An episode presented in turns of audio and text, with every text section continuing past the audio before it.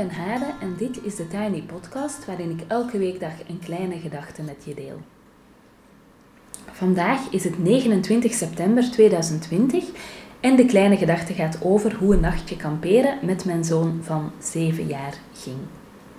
Gisteren vertelde ik waarom we zijn gaan kamperen. Ik vertelde over de vijf liefdestalen die er uh, zijn. Uh, volgens een antropoloog die daar onderzoek naar gedaan heeft. Um, en ik vertelde dat ik die liefdestalen ook terugzie bij mijn kinderen. Dus dat het ene kind gevoeliger is voor een bepaalde soort aandacht dan het andere kind. Um, daarover gesproken, ik weet voor de tweeling, die zijn nu twee jaar, weet ik nog niet heel goed wat hun liefdestaal is. Ik denk dat dat nog heel erg bepaald is. Dat zij bijvoorbeeld nog veel fysieke nabijheid nodig hebben. Maar dat dat meer bepaald is door het feit dat zij um, twee jaar zijn en dus nog klein en nog andere behoeften hebben dan de jongens. Maar de liefdestaal volgens mij van Isaac is tijd en aandacht. Um, en daarom gingen we samen uh, een nachtje in een boomhut slapen, gewoon met ons tweetjes. Ik vertelde net, de tweeling is nu um, twee jaar sinds juli. En eerlijk, die tweeling heeft ontzettend veel impact gehad op mijn leven. En ik ben heel dankbaar om mijn kinderen en ik ben ontzettend blij met elk van mijn kinderen. Ik zou er geen enkel kunnen missen. Maar uh, ik ben nog altijd, denk ik, aan het bekomen van de shock die een tweeling is in je leven. En soms vergeet ik dat dat voor de jongens, dus de grote broers, ook geldt. Ze hebben ook te maken met minder aandacht, minder energie in huis, meer chaos, meer drukte, heel drukke maaltijden uh, met twee tweejarigen op dit moment. Ouders die vaak behoorlijk aan het einde van hun Latijn zijn na nog steeds vaak slechte nachten. Um, en gewoon die drukte en de permanente noodzaak om alert te zijn en op te letten. En die kleintjes die bijvoorbeeld ook altijd de activiteiten bepalen. Hè. Bijvoorbeeld hun dutjes zijn nog heel dominant in ons schema, uh, maar wij gaan ook meestal activiteiten doen die geschikt zijn voor de kleintjes, waardoor um, we eigenlijk vaak van de grote jongens vragen om zich aan te passen, uh, omdat die kleintjes zich natuurlijk nog niet echt kunnen aanpassen. En dan zou je kunnen zeggen van ga dan apart met de kinderen dingen doen. Ja, dat proberen we. Maar daarover moet ik ook echt zeggen dat een tweeling anders is dan een eenling. Um, er stond in het laatste Meerlingenmagazine stond er een um, artikel over het rouwproces van ouders die een tweeling hebben en die eigenlijk liever een eenling hadden gewild. En dat lijkt nu heel verwend en heel raar om daarom te rouwen, want er zijn ook ontzettend veel mensen die geen kinderen kunnen krijgen en die heel graag, ja, die nog liever een drieling hadden gehad dan geen kinderen. Maar uh, toen ik mij een voorstelling maakte bij hoe het zou zijn om nog een kindje te krijgen, toen had ik natuurlijk de voorstelling van één kindje. En dat dat kindje gewoon lekker in de draagdoek mee overal naartoe ging. Um, nou ja, we kregen een tweeling en dat is echt heel anders dan één kindje dat erbij komt en dat gewoon mee met de bubs gaat. Het is bijvoorbeeld praktisch uh, al veel zwaarder. Je moet alles dubbel doen, elke luier, elk autostoeltje vastklikken. Um, nou ja, alles moet dubbel. Dus ik vind die fysieke belasting um, best zwaar. Pieter, mijn man, is in een heel goede conditie. Maar die merkt bijvoorbeeld ook dat hij door het permanent optillen en dragen van de tweeling, uh, ja, dat hij daar fysiek ook veel last van kan hebben. Um, Daarbij is het ook zo dat, hè, dus er is het praktische, fysiek is het zwaarder. Uh, ik vind het ook moeilijker worden dan toen ze baby waren. En toen konden ze gewoon mee in een draagdoek of in een uh, maxicosi of in een kinderwagen.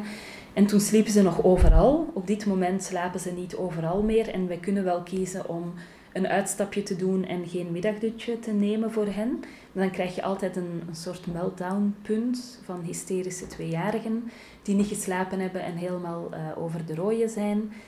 Um, dat is ook echt niet heel leuk. Um, en bijvoorbeeld, zij lopen gewoon weg. Ze zijn heel ondernemend, dus ik kan, we wonen op fietsafstand van het strand. Maar ik kan niet met de kinderen alleen met de bakfiets naar het strand. Want dan loopt de ene tweelingzus de zee in en de andere loopt dan de duinen in en dan moet je kiezen welk kindje bijvoorbeeld eerst gaat uh, redden. En dat is allemaal niet heel relaxed. Dus in die zin uh, heb ik bijna altijd een andere volwassene nodig om uitstapjes uh, te maken. Dus een tweeling is echt anders. En wat ook nog anders is, is dat je een tweeling-escalatiesyndroom hebt, waar een eenling um, een primaire band heeft met een van de ouders of met beide ouders. Dus um, ja, zich primair tot de ouders verhoudt meestal. Verhouden tweelingen zich primair tot elkaar. En dat merk ik heel erg bij mijn tweeling. Dat zij... Um, ja, dat de relatie met de andere twin, zeg maar, de basisrelatie in hun leven is. Dus dat betekent dat je als ouder vaak veel minder impact hebt op die kinderen en dat zij bijvoorbeeld elkaar ook meenemen, zowel in positief gedrag. Ze zijn bijvoorbeeld heel empathisch uh, ontwikkeld um, en ze steunen elkaar echt en ze troosten elkaar bijvoorbeeld. Zij kunnen elkaar veel beter troosten dan dat ik hen kan troosten. Maar um, wat ook aan de hand is, is dat um, even denken, hè, uh, dat zij elkaar ook in negatief gedrag heel erg kunnen ja, versterken. Dus in die zin uh, is een tweeling echt heel anders dan een eenling. En ik heb vaak wel gedacht van wat betekent het nu voor mij en voor mijn relatie om een tweeling te hebben. En dat is dan één element, maar er is natuurlijk ook um, de impact op de grote broers van de komst van hun tweelingzusjes. En ze vinden dat ook wel leuk, maar tegelijkertijd is het voor hen ook best uh, aanpassen geweest. En we hebben die aanpassing misschien ook een beetje te veel als vanzelfsprekend uh, ervaren. Kortom, tijd om met uh, Isaac van 7 voor zijn verjaardag een keer alleen in een boomhut te gaan logeren. Dus reden wij afgelopen weekend met z'n tweetjes eerst naar de dierentuin. Want hij wou graag naar de dierentuin, uh, waar we een heel andere soort uitstap hadden dan anders. Omdat we, uh, ja, normaal gezien is zo'n dierentuinbezoekje ook helemaal opgehangen aan de wensen van de tweeling. Of aan wat zij aankunnen. Dus nu konden we echt een keer bijvoorbeeld um, de ruimte waar slangen en kleine kikkertjes en al die en insecten zitten en ook de opgezette dieren, daar konden we nu echt heel veel tijd doorbrengen. En dat is iets wat we met de tweeling moeilijk kunnen, omdat bijvoorbeeld een aantal dingen daar te hoog zijn voor hen om te zien en omdat ze te weinig geduld hebben om daar dan um, mee bezig uh, te zijn. Dus we gingen eerst samen naar de dierentuin en daarna reden we naar Drenthe, naar Norg. En daar gingen we in een boomhut logeren. En ik heb vijf dingen die ik daar graag over wil vertellen. Het eerste.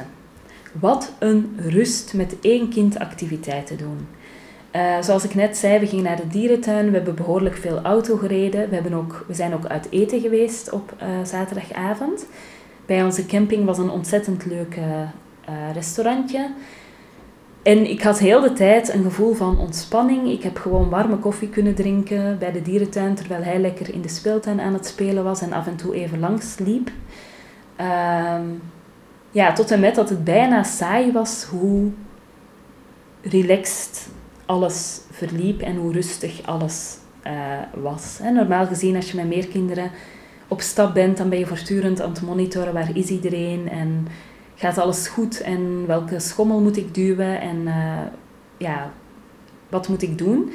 Terwijl op dit moment um, ja, was ik gewoon alleen met Isaac en had ik echt ook adempauzes en rustmomenten doorheen de dag. Tot en met uh, dat hij bijvoorbeeld in de auto met zijn tablet uh, bezig was, met zijn koptelefoon. En ik heel veel goede podcasts heb geluisterd onderweg. En dat was voor mij echt op adem komen. Dan een tweede element is dat ik echt een stukje van hem heb hervonden en ook van mijzelf. Um, ja, je verhouden tot één kind als je het gewend bent om er dus je tot meerdere kinderen tegelijk te verhouden, is echt even een verademing.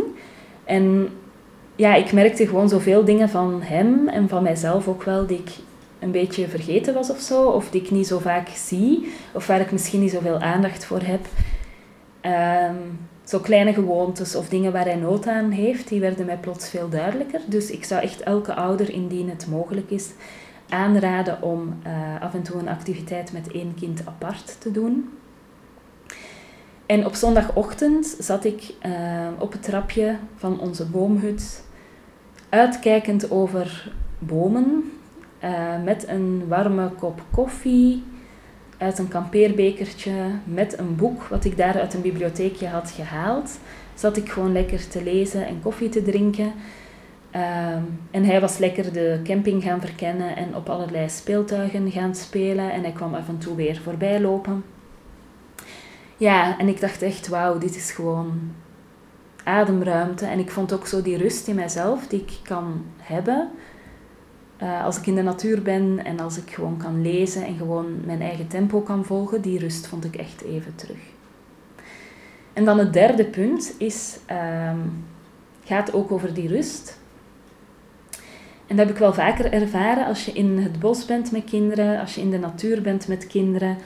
Um, ja, dat kinderen een soort rust krijgen van in de natuur zijn en van in een natuurlijke omgeving zijn.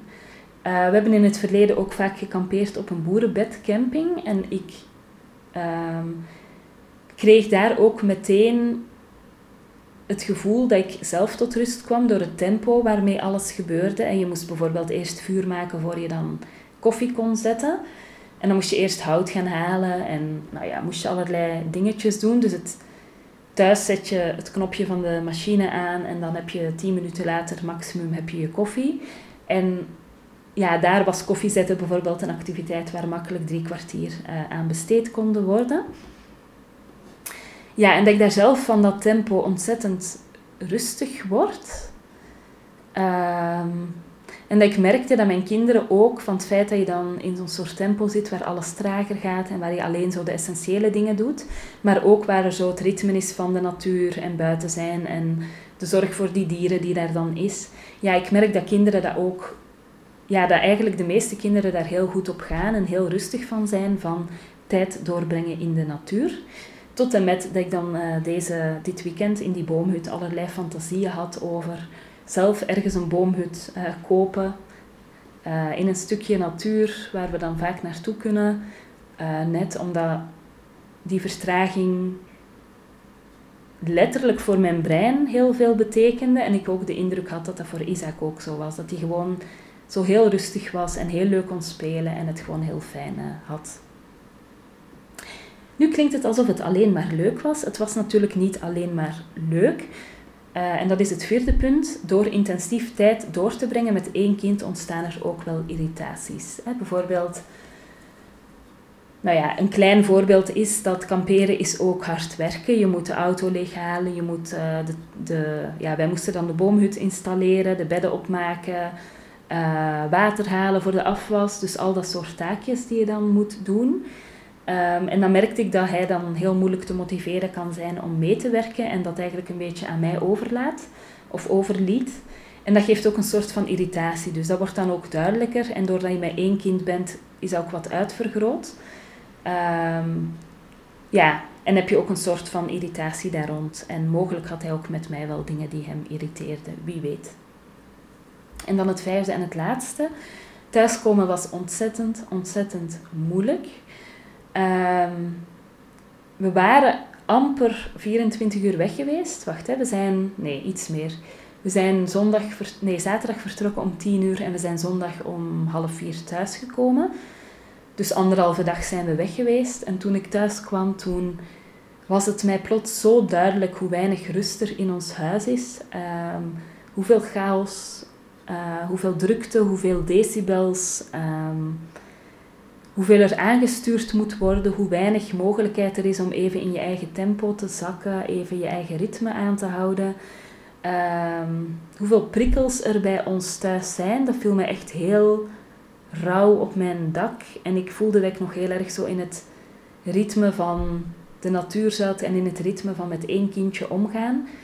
Ehm, en plots werd ik weer zo totaal in de chaos van ons gezin gedropt.